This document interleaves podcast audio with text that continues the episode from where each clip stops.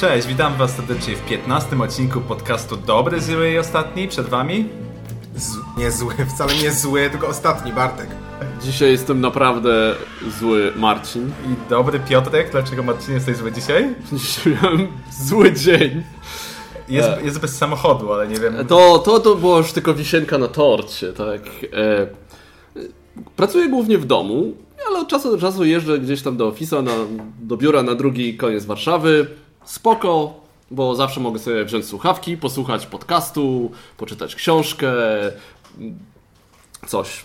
Więc oczywiście spakowałem się, wyszedłem, wysiadam z, z samochodu od Agnieszki. oczywiście nie wziąłem słuchawek, nie wziąłem książki, więc czekało mnie 45 minut gapienia się w okno. No dobrze, przesiadłem się potem do pociągu, bo to tak w sumie wyszło mi najszybciej. I boleśnie się przekonałem, że warszawskie bilety y, nie współgrają z kolejami mazowieckimi. Znaczy one współgrają, bo było nawet głośno, że tak, można na nich jeździć, ale gdzieś dopiero poniżej było napisane, że to 30-dniowe, y, jednodniowe albo trzydniowe, a nie takie po prostu jednorazowe, chociaż dalej byłem w obrębie Warszawy, więc zapłaciłem za bilet, za który normalnie zapłaciłbym około 10 zł, zapłaciłem 190. 116 było płatne w ciągu 7 dni. E, W, potem tutaj się do Was wybierałem, też wyszło, ok, jadę, 17 do 20, o kurde, zapomniałem, że nie mam samochodu, no to szybko wychodzę, dobra, to przynajmniej sobie posłucham. Wziąłem słuchawki, wychodzę, wyszedłem za ulicę, please recharge your batteries, więc dylam z powrotem do domu słuchawki, wtedy zaczęła się zbliżać burza, więc już w połowie drogi do przystanku stwierdziłem nie, zamówię jakąś taksówkę. I stałem pod takim małym daszkiem z, z, parasolką, lało na mnie, mam mokre spodnie.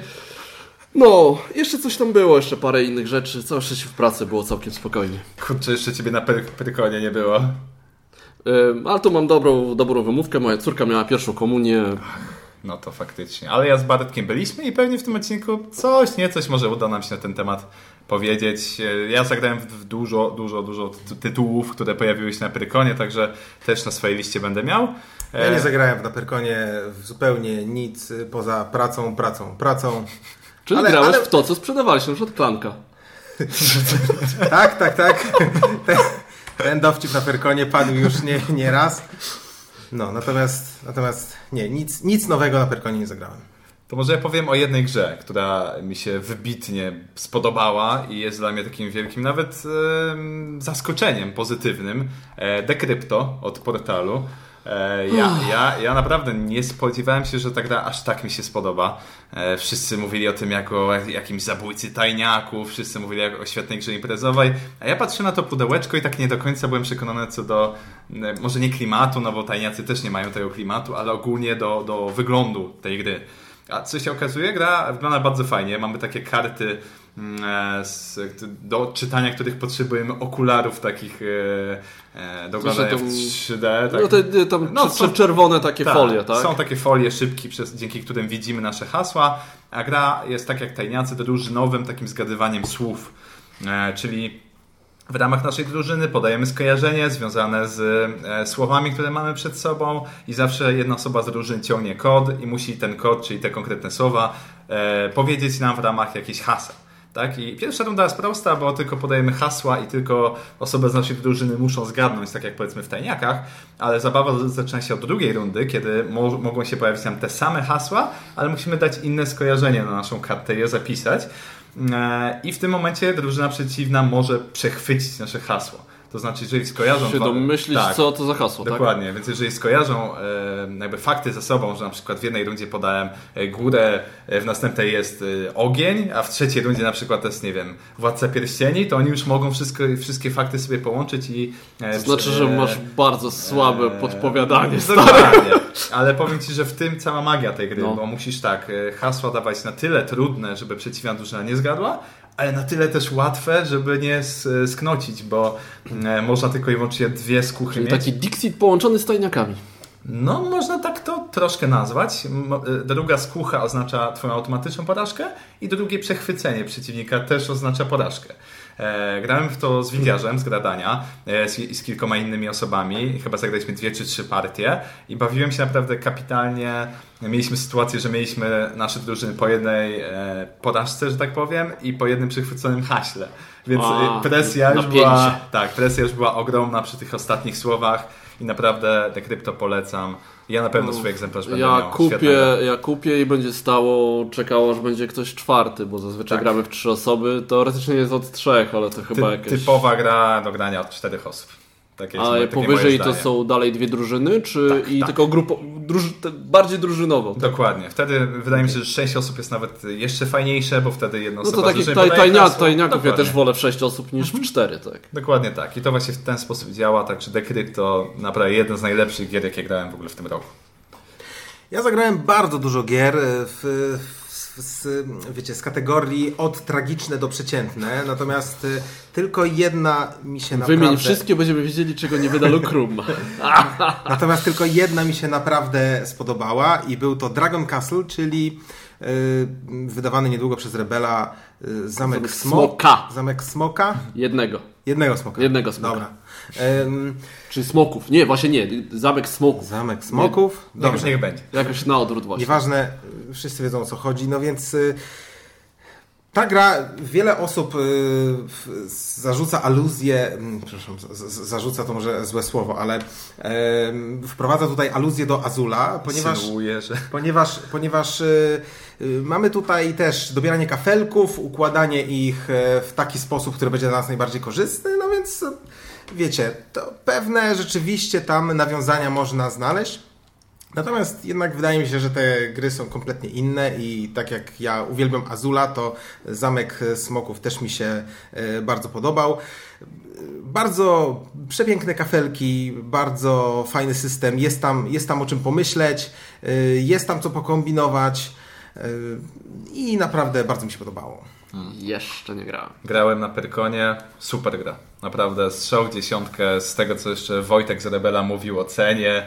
Jakieś nie chce strzelać, ale coś mówi w okolicach, nie wiem, 110-120 zł. Za takie wykonanie To, jest, to jest kradzież po prostu, słuchajcie. Jest tak piękna gra, tak fajne te plastikowe kafelki, e, motyw, że musimy zabrać kafelki, później ułożyć w odpowiedni sposób na naszej planszetce, timing wykładania. To jest, to, to jest taka poziom wyżej albo pół poziomu wyżej niż Azul, jeżeli chodzi moim zdaniem o Tak, strategię. Jeśli komuś się Azul podoba, a uznał, że jest zbyt prosty, to, To e, jest dobra gra. ewidentnie trzeba tego spróbować. Tak, piękna, Nie mogę się fajny temat. Naprawdę super. A ja zagrałem nie na Prykonie, O, e, ale w Steam Rollers. Czyli gra typu roll and write, czyli rzuć i, napisz. Czyli mamy garść kosteczek, e, wybieramy coś z, z tych wyrzuconych kości i zapisujemy na swojej planszy. A te nasze plansze to są nasze kompanie kolejowe, gdzie rysujemy tory, podnosimy poziom naszej lokomotywy, dostarczamy towary z, z planszy i jestem zafascynowany, jak udało się takie. Bo ja ogólnie kiedyś byłem fanem gier kolejowych. Steam, nawet jakieś osiemnastki o Railroadzie Tycoon czy Railways of World nie wspominając, i, albo Age of Steam. I tutaj udało się zapakować cały ten taki mechanizm właśnie dostarczania towarów, kombinowania, gdzie co puścić, jak, gdzie komu co podebrać, do półgodzinnej grze z, z zapisywaniem na karteczce i z rzucaniem kośćmi. Nie zgadzam się z tobą, bo ty mówiłeś, że nie za dużo interakcji. Ja w pewnym momencie myślałem, że komuś oko wykole, rzucając kością, kiedy po którymś razie ktoś mi podebrał towar, podebrał kostkę, bo to ciekawe. nie wiem, ale to było naprawdę wredne, bo w pewnym momencie po prostu siedzieliśmy i tak ty byś chciał tam zbudować taki tor, tak? Nie, nie, nie, nie. Nie będziesz miał tej kostki. Też było takie naprawdę już po połowie partii, po, tam, po pierwszej czy drugiej kostce zabranej, to już się zaczął hejt taki, tak? Hate draft. Hate draft, tak, więc bardzo, bardzo mi się spodobało. I... O, fajnie, fajnie. No, dla, mnie, dla mnie jest w porządku. Tak, Ja taka może właśnie że- dlatego, że ostatnio w ogóle myślałem o tym, kurczę, zagrałbym w Steama, bo dawno tak chodzi za mną. I tutaj dostałem to, co chciałem, jeszcze w pół godziny, czy tam 45 minut. Nie muszę. Tak, to jest tak, taka minia, miniaturka faktycznie gier kolejowych. Fajna, fajna, fajna gra. Na pewno fajna. Warto obejrzeć jakieś tam właśnie recenzje. Możecie przykładowa rozgrywkę zobaczyć, jak macie ochotę. A nie. Ty wolisz winnicę, dałeś. E, tak, dałeś. tak, tak. Wi- Winnicę preferuję, a to ze względu na, na mm, ma chyba dynamikę jakąś taką. Steam Ro- Ro- Rollers to- wydaje mi się takie dosyć Steam Rollers jest tak jak, Steam takie. Rollers jest tak jak w takich kolejowych, czyli na początku dostarczasz te towary, to o jeden, o dwa, Tak, tak. potem dopiero rozbudowujesz swoją ten, jak już masz rozbudowaną tą całą swoją infrastrukturę, to gra się kończy. Tak. Ja to lubię. A winnica, winnica jest taka, że faktycznie coraz mniej masz możliwości, bo czas To ja goni, wolę gra się właśnie kończy. jak się roz, rozwija wyżej niż jak się zwija. Aha. No tak, to jest kwestia chyba gustu. Dobra gra. Matek, coś jeszcze tam grałeś ostatnio? No dobrze, to teraz zejdę już do tej kategorii e, przeciętne. Co prawda wiecie, no to tylko według mojego gustu, dlatego że wspomnę teraz o dwóch grach nominowanych do gry roku d- 2018 w Polsce. e, A były to Majestat i Park Niedźwiedzi. E, Udało mi się ostatnio zagrać i co prawda gry są kompletnie inne, to ja wrzucę je do jednego worka, ponieważ wrażenia po jednej i drugiej miałem prawie że takie same. E, Otóż stwierdziłem, że jest po prostu ok. No, no, całkiem nieźle się bawiłem grając raz, ale już nigdy więcej nie muszę. Jeśli chodzi o Park Niedźwiedzi, to y, wype y, wypełniłem.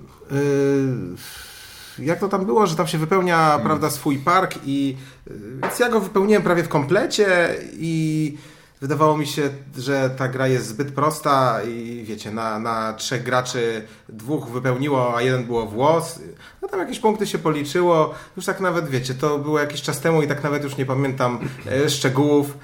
To źle świadczy o grze, jak nie pamiętasz. Tak, tak, tak. Y, Natomiast jeśli chodzi o majestat, to uznałem, że jest, y, że jest zbyt prosty i jakoś tak mało tam się działo. No tak, tutaj dobieramy, to, mimo że była tam nawet moja ulubiona mechanika, czyli y, ja ją nazywam mechaniką optaniaczy. Jakoś nikt jej jeszcze nie nazwał, wiecie, tak, tak sensownie, czyli im coś dłużej leży do, do tańsze. wzięcia, tym jest coraz tańsze, tak? Podobnie jest z rasami w Small Worldzie. y, Czy, czy, czy, czy z kartami w Imperium w 8 minut. Y, I, i, I tutaj ja to właśnie bardzo lubię, ale jakoś tutaj to nie wystarczyło zupełnie, bo to, co tam się buduje i zbiera te sety, y, to jakoś tak miałem wrażenie, że jest zbyt zdeterminowane kolejnością tych, tych kart, które musimy dobierać.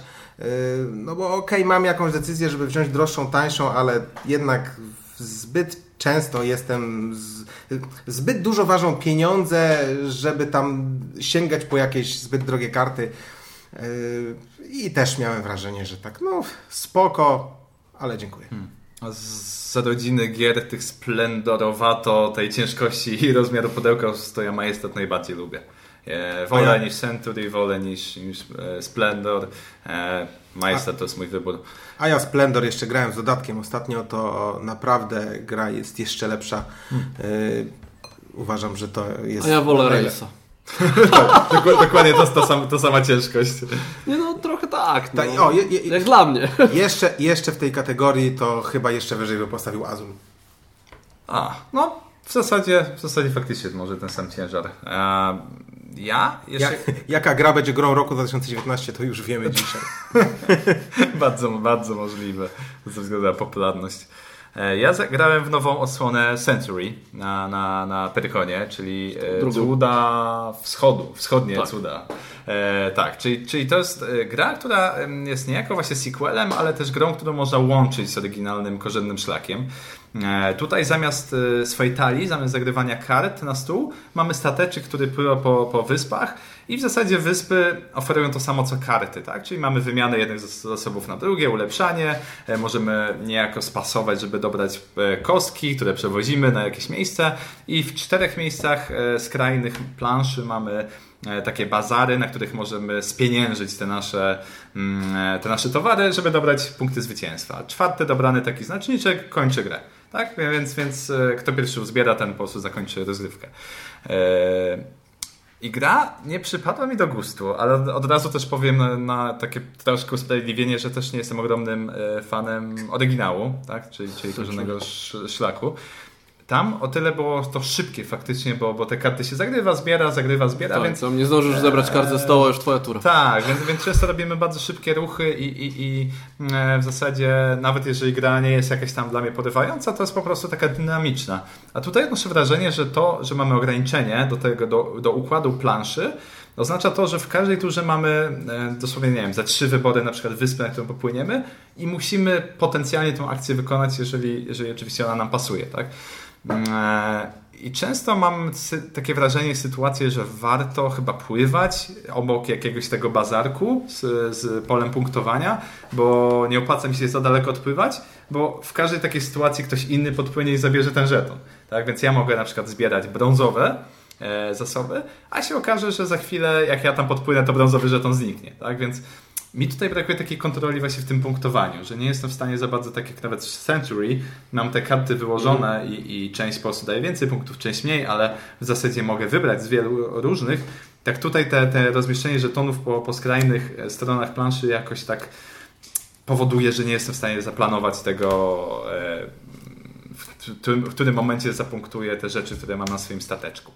Także, także mimo jakby przepięknego wykonania, że ta gra wygląda rewelacyjnie e, i ciekawie w sumie ten motyw, jestem ciekawy motyw łączenia, bo tam można właśnie zagrywać karty zamiast, zdaje się, zamiast akcji specjalnej na, na wyspie możemy zagrać kartę chyba z korzennego szlaku i ona nam odpala, tak? Jakąś umiejętność. Także to, to faktycznie może poprawić rozgrywkę, e, ale na cztery osoby Tutaj troszkę dla mnie za duży chaos jest w tych żetonach, które znikają, pojawiają się losowe.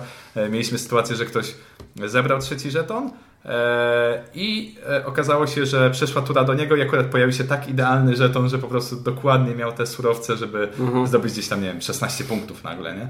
I, i, no. to, to, jest, to jest ta mechanika w Splendorze też to jest, że wychodzi karta nagle, o, akurat mam te, te kamienie, tak? Więc to jest ta mechanika, którą właśnie nie do końca mi pasuje. Okej. Okay. To ja jeszcze opowiem o grze logicznej Tricky mhm. Ways. U. Nie graliście. Nie.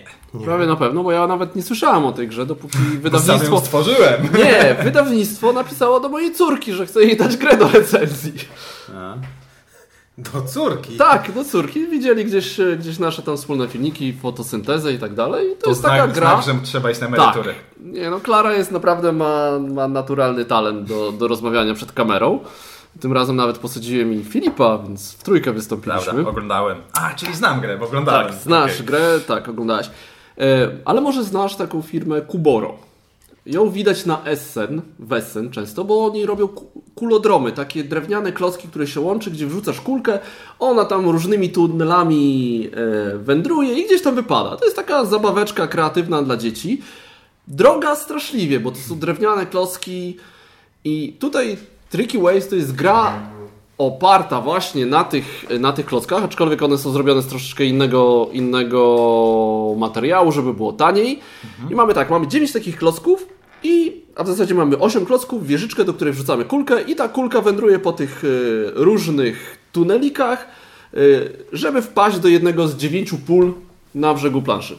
Im dalej kulka wędruje, tym więcej punktów się zdobywa. Kolejny gracz może ma kolejny, może zrobić trzy ruchy, przesunąć, zabrać, przemienić, żeby stworzyć nowy tor, żeby kulka, jego kulka wpadła w nowy tor. I tak gra masz wszystkie tam 12, nie 9, 12 e, miejsc na kuleczek zostanie zajęte. Hmm. Wykręca mózg straszliwie, szczególnie jak się dojdzie do tego, że te drewniane klocki mają dwa poziomy gdzie tunele pod spodem są inne niż tunele na wierzchu. I trzeba sobie wyobrazić, że ta kulka poleci tędy, potem tu wpadnie pod spód i wyjedzie gdzieś tam na dole i mam tylko trzy ruchy, żeby zrobić najlepszą trasę możliwą, więc to jest... Ale można grać tylko jakby na tą wierzchnią część, wtedy właśnie takie 7-8 latki dają radę, albo po prostu się bawić, to sobie pobudujmy trochę, trochę różnych kulodromów, Zabawa jest przednia, byłem zdziwiony, jak, jak mi się to podoba, hmm. ale to właśnie taki też e- element tej takiej zabawki tutaj był, był bardzo fajny. On się wrzuca tą kuleczkę taką szklana, leci hmm. tam i, i, spada, więc całkiem, całkiem fajna zabawko gra. Ale jeżeli ktoś chce pomurzyć, to jest tu mnóstwo miejsca na murzenie. Fajne, fajne. Ale tak dla dorosłych też byś polecił, czy raczej yy, dla dzieci? Nie, to tak dla ten drugi poziom, że lecisz i po górze, i pod spodem, Aha. to w cztery osoby pewnie bym do tego nie zasiadł, bo po prostu będzie strasznie mużdżenie i czekanie na swoją turę, Aha. ale tak w dwie, trzy osoby, żeby tak posiedzieć i pomurzyć, to jest naprawdę wykręca zwoje. Hmm. Brzmi, brzmi fajnie. Taki abstrakcik z motywami. Abstrakcik, tak, no. naprawdę spoko. Fajne, fajne. Coś Bartek jeszcze? No, naprawdę już mnie ciekawie. Ja już myślę, wspomniałem o trzech grach, to możemy przejść do drugiej części. Co, jeszcze wspomnę tylko o jednej grze, bo, bo to może Was zainteresować, dlatego powiem jeszcze w tym odcinku, bo aż jestem podekscytowany tą grą, muszę powiedzieć. Grałem w prototyp gry od Bored and Dice, e, która jest escape roomem. Ach, I to. gra, która mnie zafascynowała. Tego się nie spodziewałem, bo grałem. Mówisz o Escape Room, ja już mówię, gdzie jest, gdzie jest mogę zrobić preorder, Tak. tak? Jest... A ja myślałem, że rozwiązania mi już podasz, Nie, bo nie. jesteś tak dobry. No. E, ale, Mhm. ale grałem w to z Łukim akurat e, i powiem wam, że on dobrze, dobrze rozkminia te escape roomy, bo, bo ten pierwszy szkoleniowy pokój udało nam się całkiem sprawnie przejść. E, Co prawda, mm, może, może w ogóle zacznę, co to jest. Od Bot Dice gra będzie się nazywała Escape Tales The Awakening, tak? Czyli to jest gra escape roomowa, ale z połączono, połączona z narracją, czyli z historią. e, Z, em, ze skryptami, tak? czyli troszkę jak w jakimś, nie wiem, Time Stories albo e, Bartek, słuchaj mnie uważnie, w Sherlocku Holmesie mm, e, mamy, mamy książkę, będziemy mieli książkę, w której czytamy paragrafy dotyczące tego pokoju. Tak, czyli podchodzę na przykład do szafki, mam oczywiście fajne wprowadzenie e, o co chodzi w historii, ale nie będę wam spoilerował. E, Podchodzimy do szafki, mamy na, przykład- na przykład napisane przeczytaj skrypt 150. Idziemy do skryptu 150, e, jest cały opis o tym, że to jest moja szafka, bla bla bla, co tam znalazłem, jak to wygląda, także mamy jakby wyobraźnia tutaj nam jeszcze lepiej działa. No i mamy takie typowo escape roomowe te zagadki, tak? Czyli połącz przedmiot A z przedmiotem B. E, Chłopaki już stworzyli aplikację do tego, ale to jest taka bardzo, e, że tak powiem, prosta aplikacja, tylko i wyłącznie do, tak jak w Unlocku, do podawania kodów. Okej. Czyli wybieramy jakiś tam symbol zagadki, pyk i musimy na przykład trzy, trzy cyfrowy kod wpisać, wtedy mamy informację, czy dobrze, czy źle. E, Mamy takie w Unlocku, jakieś tam łączenie przedmiotów. Naprawdę bardzo fajnie to wygląda. Ja kupię. I, i mamy tutaj kampanię. To też mnie strasznie jara, że każda kolejna, każdy kolejny pokój to jest tak, tak naprawdę kolejny scenariusz historii. Tak? Czyli na początku zaczynamy w miejscu A, idziemy do miejsca B i to miejsce B już jest drugim escape roomem, ale to się łączy historycznie, jakby tematycznie. Bardzo, No, bardzo, bardzo bardzo, ciekawie, bardzo, naprawdę. fajnie. E, to jest jakby totalny prototyp, a już całkiem nieźle jest napisane. Przyjmę prototyp do grania i skrytykowania. Tak, tak. Autor. Dębek, pewnie Cię podeślę, pozdrawiam Mata. I bardzo, bardzo Nie, fajna gra. Podobała widziałem, się. widziałem. Ja tylko widziałem jakby tą jedną kartę Mhm. i było tytuł Aha. Escape Room, dalej już nie czytałem. Już. No. E, Tam e, opinie ogólnie chodziły takie jak, jak e, wyjadacze escape roomowych, tam widziarza i tam No, no. inne osoby pytałem, to oni twierdzili, że to jest jakby troszkę za prosta jak dla nich, ale podejrzewam, że to też jest kwestia tego, że to jednak jest to pierwsze pomieszczenie, więc e, Tak, Też ale bym nie mi, się- oczekiwał. mi się podoba to połączenie z tą historią, tak? Jeżeli to tak. będzie dobrze zrobione, to będzie No. to, to, to jeszcze jakby podniesie tą grę No. wyżej. Przecież to jest bardzo prosty zabieg, a naprawdę działa tutaj. Przyjemnie się to czyta, przyjemnie się w to gra. E, Będzie po polsku, czy... e, My czytaliśmy skrypty po polsku, Dobrze. także podejrzewam, że już, już jakby coś, coś tam się Dobrze. kręci, kręci w tym temacie. Także to by było na tyle, jeżeli chodzi o pierwszą część podcastu. Przechodzimy do drugiej, w której odpowiemy na Wasze pytania.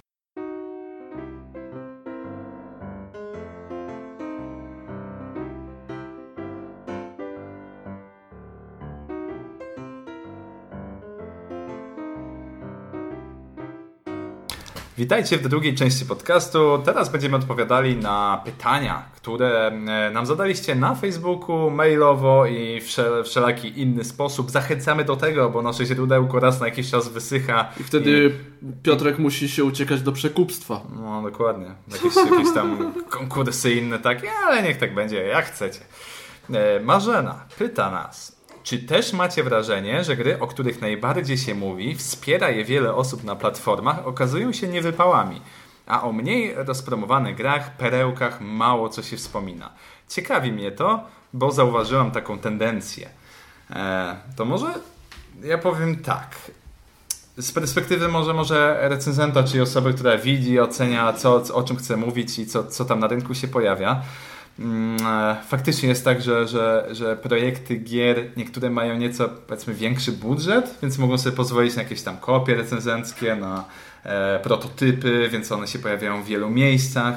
A czasami jest tak faktycznie, że, że, że, że jakiś mniejszy wydawca albo jakaś mm, osoba, która debiutuje, często po prostu ma na przykład jeden egzemplarz, więc fizycznie nie jest w stanie tego pokazać y, w wielu miejscach.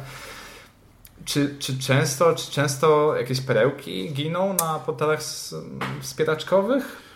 No, e, nie, wydaje mi się, że nie. To, właściwie, No, właśnie- ja, ja, by- ja bym powiedział tak. To, y, Pewne gry są perełkami w, według gustu poszczególnych osób. I wydaje mi się, że y, tak długo jak ktoś uważa, że gra, która mu się strasznie podoba, jest perełką, Aha. y, tak długo takie perełki będą tam ginąć. Dlatego, że po prostu każdy, każdemu podoba się co innego.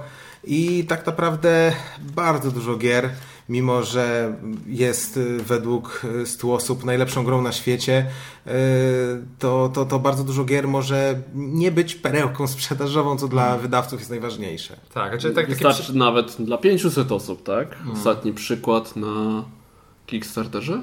Nie wiem, o jakiej Hard grze City. mówisz. E, Tak, tak, dokładnie. Hard City od, Osiągnęło próg od wsparcia, Hexi ale, Studio osiągnęło próg wsparcia. ale mimo wszystko zostało E, wycofane. Taka dun, lekki dungeon crawl, taki w, w klimatach lat 80., e, gliniarze i tak dalej.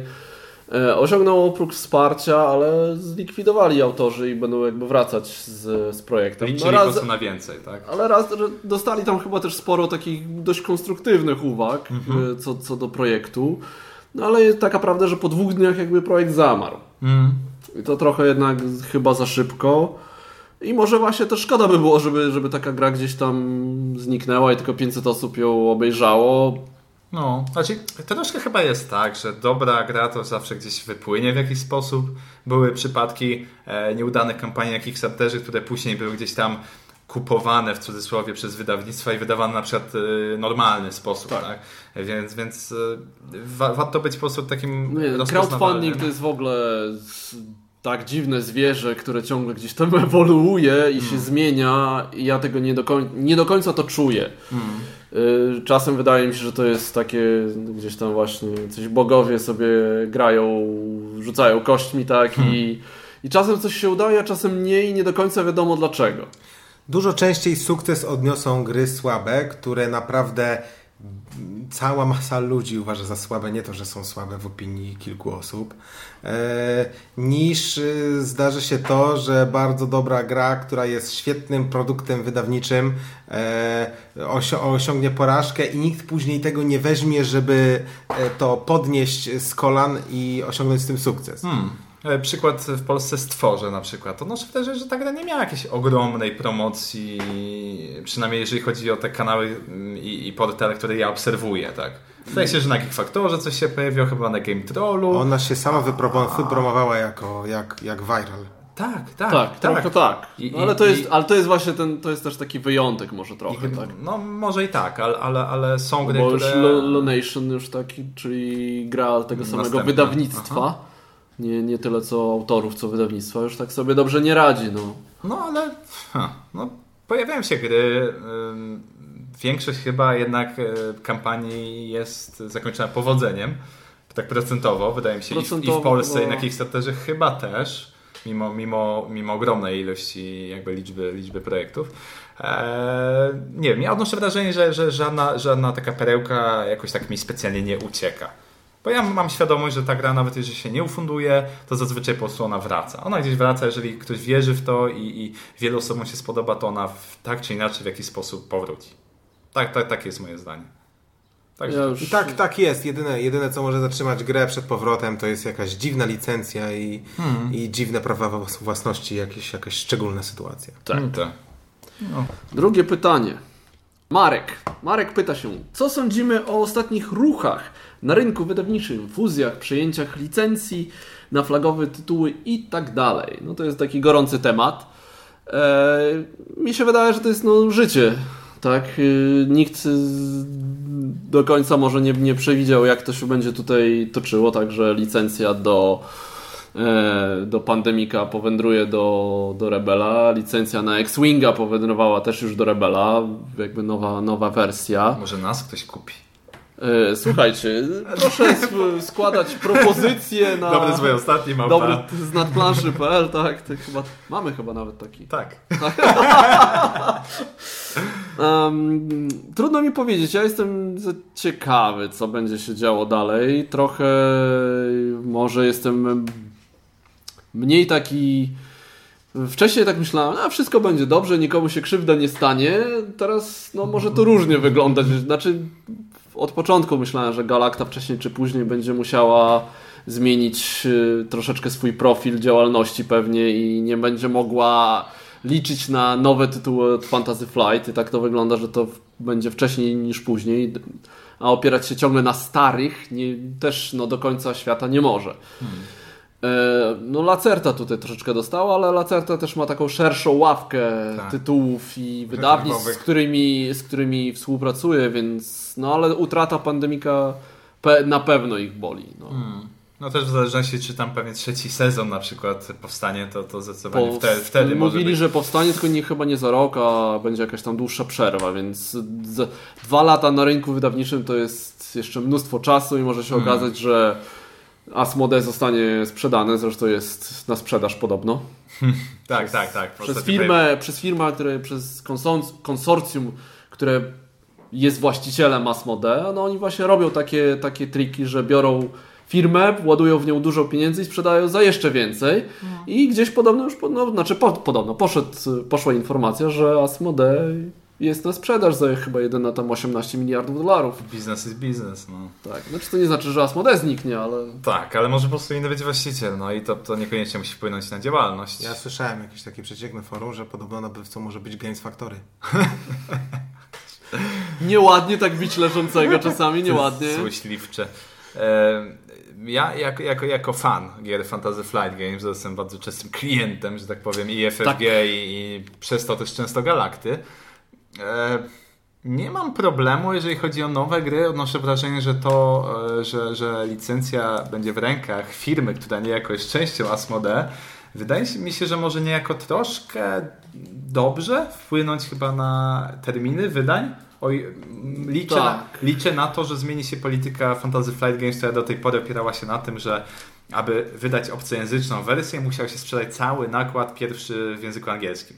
Co było mhm. kompletną bzdurą, bo często było, ta, było tak, że osoby nie wiem, z Polski, z Hiszpanii, z Niemiec czy skądkolwiek e, czekały z utęsknieniem na tą grę w swoim ojczystym języku, a na przykład gra bardzo wolno schodziła z magazynów Fantasy, Fantasy Flight i, i przez to ten czas oczekiwania się wydłużał. Tak? No ale to też jest na przykład problem z wsparciem wtedy gier LCG, kiedy cały świat gra w aktualną wersję Dokładnie. tam dodatku. A my musimy być z tyłu zawsze. Tak, tak to I, wiadomo, że wtedy hardkorowi fani tej karcianki będą kupować angielskie wersje, więc polskie wersje nie będą się sprzedawać. Dokładnie. I to gdzieś tam e, łańcuchem no, odbija się, odbija to może, się na to, to może jakby być dużym plusem. Tak, to jest plus. E, jako minus, albo moja obawa bardziej, bo nie wiem czy minus, troszkę się obawiam o takie gry właśnie jak moja ukochana na przykład Posiadłość Szaleństwa, która została rozpoczęta przez Galaktę. E, wyszedł jeden dodatek, drugi został zapowiedziany nie jestem przekonany, czy, czy, czy wsparcie będzie po prostu kontynuowane tak Myślę, że będzie, chciał. patrząc na to, że się na przykład te DLC, te dodatkowe mm. scenariusze zostały jednak przetłumaczone.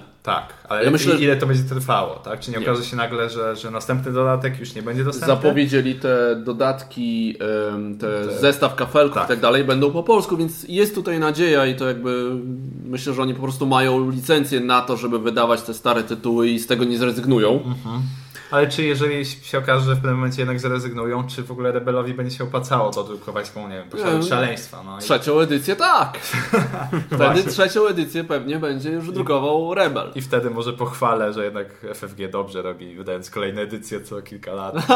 może wtedy to się okazać akurat fajne. No także są plusy, są minusy, obawy, nadzieje. Znaczy ja myślę, że bardzo dużo chaosu jakby jest nie tyle nawet co w Polsce, co za granicą, że nie wiadomo do końca z kim rozmawiać. To mhm. widać było przy Stuff Fables, które Cube Factory of Ideas chce wydać po polsku mhm. i długo była cisza, że nie mogli potwierdzić, że rzeczywiście to będzie po, po polsku, bo nie, bo nie do końca byli dogadani, bo pewnie w rozmowy było za, zaangażowanych więcej niż tylko dwie strony, bo tu nagle Asmodee, Ziman, e, nie wiadomo kto jeszcze. W końcu się udało, będzie po polsku, ale to jest jakby wprowadza taki duży czynnik chaosu i teraz to samo będzie. To, dopóki się sytuacja nie wyklaruje jakby ze, tak ogólnie na zachodzie i tu rebel i tak dalej, a że sytuacja ciągle się zmienia, to w ogóle się nigdy może nie, nie wyklaruje, nie będzie hmm. spokoju. No, Umówmy się, większość gier Asmode polskie wydawnictwa chcą wydać, bo to w większości są po prostu znane, jakieś tam głośne tytuły i tak dalej, także o, o, to, o to ja bym się nie martwił. Eee, tylko tak jak mówisz, e, te, te, te zamieszanie może też wpłynąć jakoś właśnie na terminowość wydań, a później na sprzedaż. no, wiemy, bo, że na terminowość bo- wpływa dużo rzeczy, tak? E, Tak, ale mi chodzi o to też, że, że często gry takie jak LCG na przykład przez takie opóźnienia po prostu gdzieś tam Umierają. sobie umierają, Umierają. Bo, bo, bo ludzie już e, nasyci się rynek tymi angielskimi wersjami. Ktoś czekał na polską, nie doczekał się po pół roku, no to kupuje angielską. I tyle x osób się znajdzie, które kupi angielską i już dodatków po polsku nie kupi, bo już nie pasują mu do angielskiej podstawki. Także tego typu rzeczy mogą mieć miejsce. Tak. Bartek. No dobrze, ja mam pytanie od Erwina. Dlaczego promocja i ogłoszenie wydania gry w polskiej wersji językowej Clank, czy też wydania Dungeon Forge spotykają się z tak kiepskim przyjęciem wynikającym z braku konkretnego wiążącego terminu? Gdzie leży sens promocji, a kiedy się kończy, gdy nadal gry nie widać na horyzoncie? Dobre No pytanie i właściwa od... Właściwa osoba na właściwym miejscu. na właściwym miejscu do odpowiedzi. Słuchamy. Tak, jak y, jeśli, jeśli uchowali się jacyś y, słuchacze, którzy jeszcze nie wiedzą, to przypomnę, że pracuję w Lucrum Games i to my wydajemy Klanka w Polsce. Y, Dlaczego, dlaczego tej gry jeszcze nie ma? Otóż dlatego, że wydawca mm, wydawca amerykański ma podpisaną umowę z studiem projektowym. I tak naprawdę studio projektowe Dire Wolf jest y, w zasadzie jest właścicielem tej gry. No i my podpisując umowę y, podpisując umowę z Renegade Games, który jest e, amerykańskim wydawcą,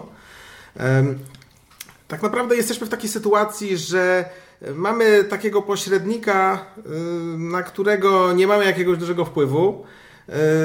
Tymczasem pracą przedprodukcyjną zajmuje się Dire Wolf y, i nie mamy zbyt wielkiej, y, wiecie, siły wpływu na to, żeby przyspieszyć ich pracę, która, jak już się domyślacie, jest bardzo, bardzo wolna.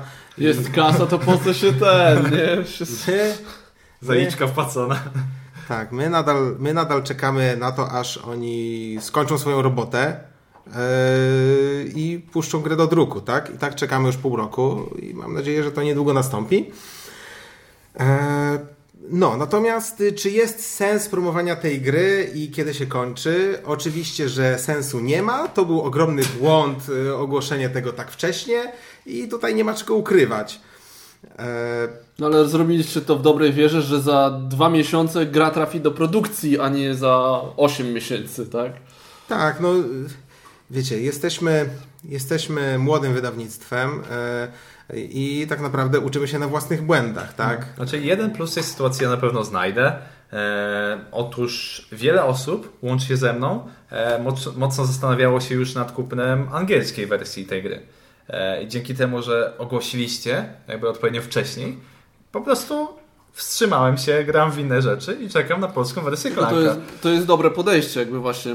Jest dużo, dużo gier, które teraz można grać i można po prostu czekać na, Tak. na tą polską wersję. Aczkolwiek rozumiem rozzłoszczenie. To ja już mogę od 6 miesięcy grać w angielską wersję, już dawno bym ją ograł, sprzedał, kupił trzy inne. No, ale to wiesz. Ale to jest e, taka prawda, to- Nikt od nikogo jeszcze tej gry nie kupił, tak? E, Tak, w żadnym sklepie znaczy nie to jest, ma, to, jest, to, więc... to jest ten problem, że to jakby ludzie zapominają, że i tak mamy to po prostu tyle gier do grania, Mhm. no że... Ale rozumiem, no ktoś się bardzo chcia, chce zagrać w to, to jest sens w ogóle posiadania polskiej wersji.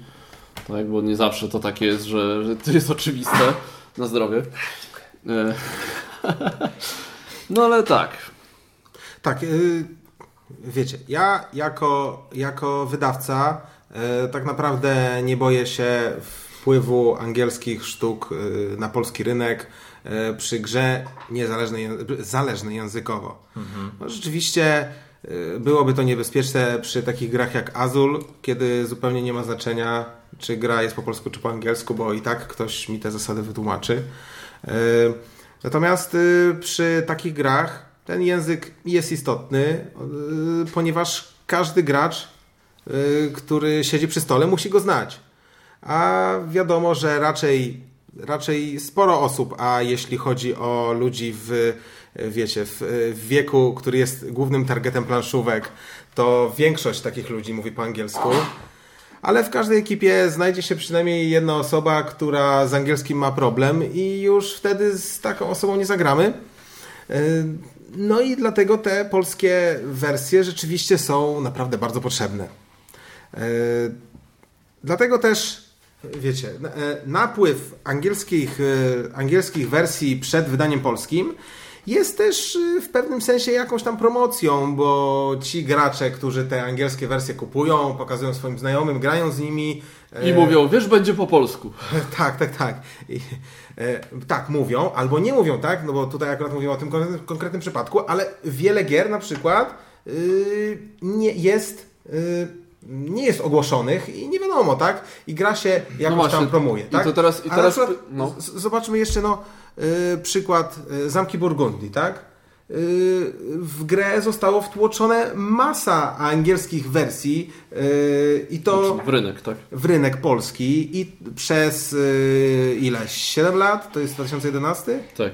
Y, Albo 12. tak, a, No. a, a mimo tego, a mimo tego jakoś nadal tę grę opłaca się wziąć do wydania i Rebel ją wydał, tak? No myślę, że to akurat to jest y, wyjątek potwierdzający regułę, że jeżeli ktoś by miał to robić, to właśnie tylko ktoś duży z dobrą dystrybucją, bo jakiemuś małemu wydawnictwu to będzie za duże ryzyko, żeby wziąć grę taką już znaną i w zasadzie tylko zrobić pudełko po polsku, tak?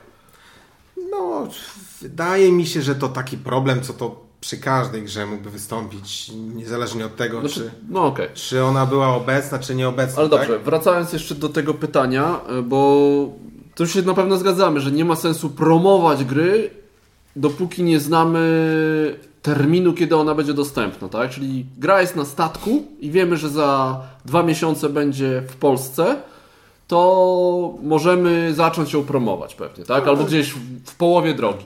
Jeszcze dodajemy miesiąc na opóźnienie statku. No tak, i tam inne problemy z cłem i tak dalej, ale już wtedy jest mniej więcej znany Tak, termin. tak, tak. Chociaż jak pokazują niektóre przypadki na naszym rynku, to nie do końca. Nawet i wtedy może nie być znany, tak? Tak, ale to jest powiedzmy, wtedy jest, jest rozsądny moment, żeby zacząć myśleć o promocji. Ale co właśnie z ogłoszeniem tej polskiej wersji? Bo wy w zasadzie ogłosiliście tylko, że Clank będzie po polsku. Nie było żadnej wielkiej promocji chyba, nie ruszyło ani recenzji za dużo nie było. Za dużo nie, przedsprzedaży nie ma. Nie, przedsprzedaży nie ma, tylko jest właśnie jak była ta informacja, czy to właśnie, czy jest sens powiedzieć, słuchajcie, wydamy Clank, ale to może być 6 do 12 miesięcy. To chyba Paweł Kaczmarek robił, jest- robił chyba recenzję. No ale to To wiadomo. jest tak. Jeśli, jeśli ktoś zapowie, że wyda klanka i ten klank będzie za dwa lata, to, to takie, takie ogłoszenie można zrobić, tak? Tylko czy ono ma Eee, sens, tak? Tylko czy ono ma sens? Chyba, chyba niekoniecznie. Tak, to Eee, ostatnio gdzieś Lepiej chyba nie że- powiedzieć nic, tak? Tak, tak. Natomiast y, jeśli, jeśli coś. No tak, bo jakby- Jeśli coś ogłaszamy, a później się okazuje, że to tak naprawdę będzie później, jeszcze później, i jeszcze później, to to jest sytuacja nieprzyjemna, bo masa osób o to pyta, kiedy to będzie.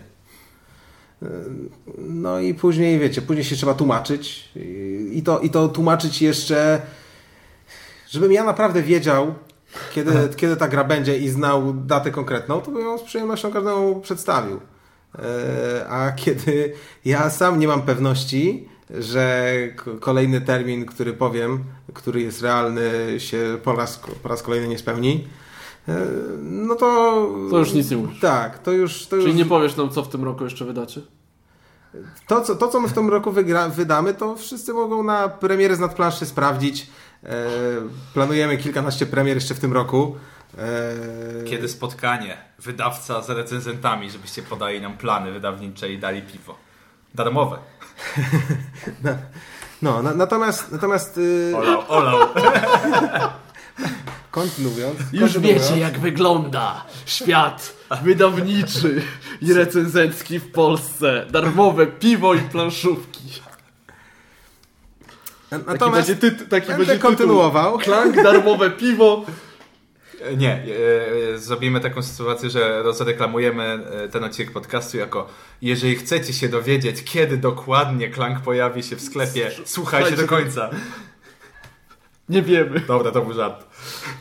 Wiecie, no tak, tak, żeby zakończyć przynajmniej jakimś małym konkretem, no to mały konkret jest taki, że y, udało nam się dogadać na takie zapewnienie, że gra przyjdzie do nas do listopada, a czy ta obietnica... Czy oni dotrzymają obietnicę? A czy oni dotrzymają jednak dałeś jakiś obietnicy? termin. E, Będziesz tak. tego żałował. Nie, bo ja, to, to, napra- to nie jest żadna gwarancja, czy, czy ta obietnica zostanie spełniona. To ja nie mam żadnej gwarancji i nie mam e, żadnej siły wpływu na to, żeby to wymusić. I tym pozytywnym akcentem? Po prostu, kochani, jeżeli chcecie się brać za wydawanie gier, to mamy dla was jedną radę. Nie bierzcie. Ciężki kawałek chleba. Dobra, i tym pozytywnym akcentem kończymy 15 odcinek podcastu Dobry, Zły i Ostatni. Mówili dla Was Tak? Marcin. i Piotrek. Do następnego razu. Trzymajcie się.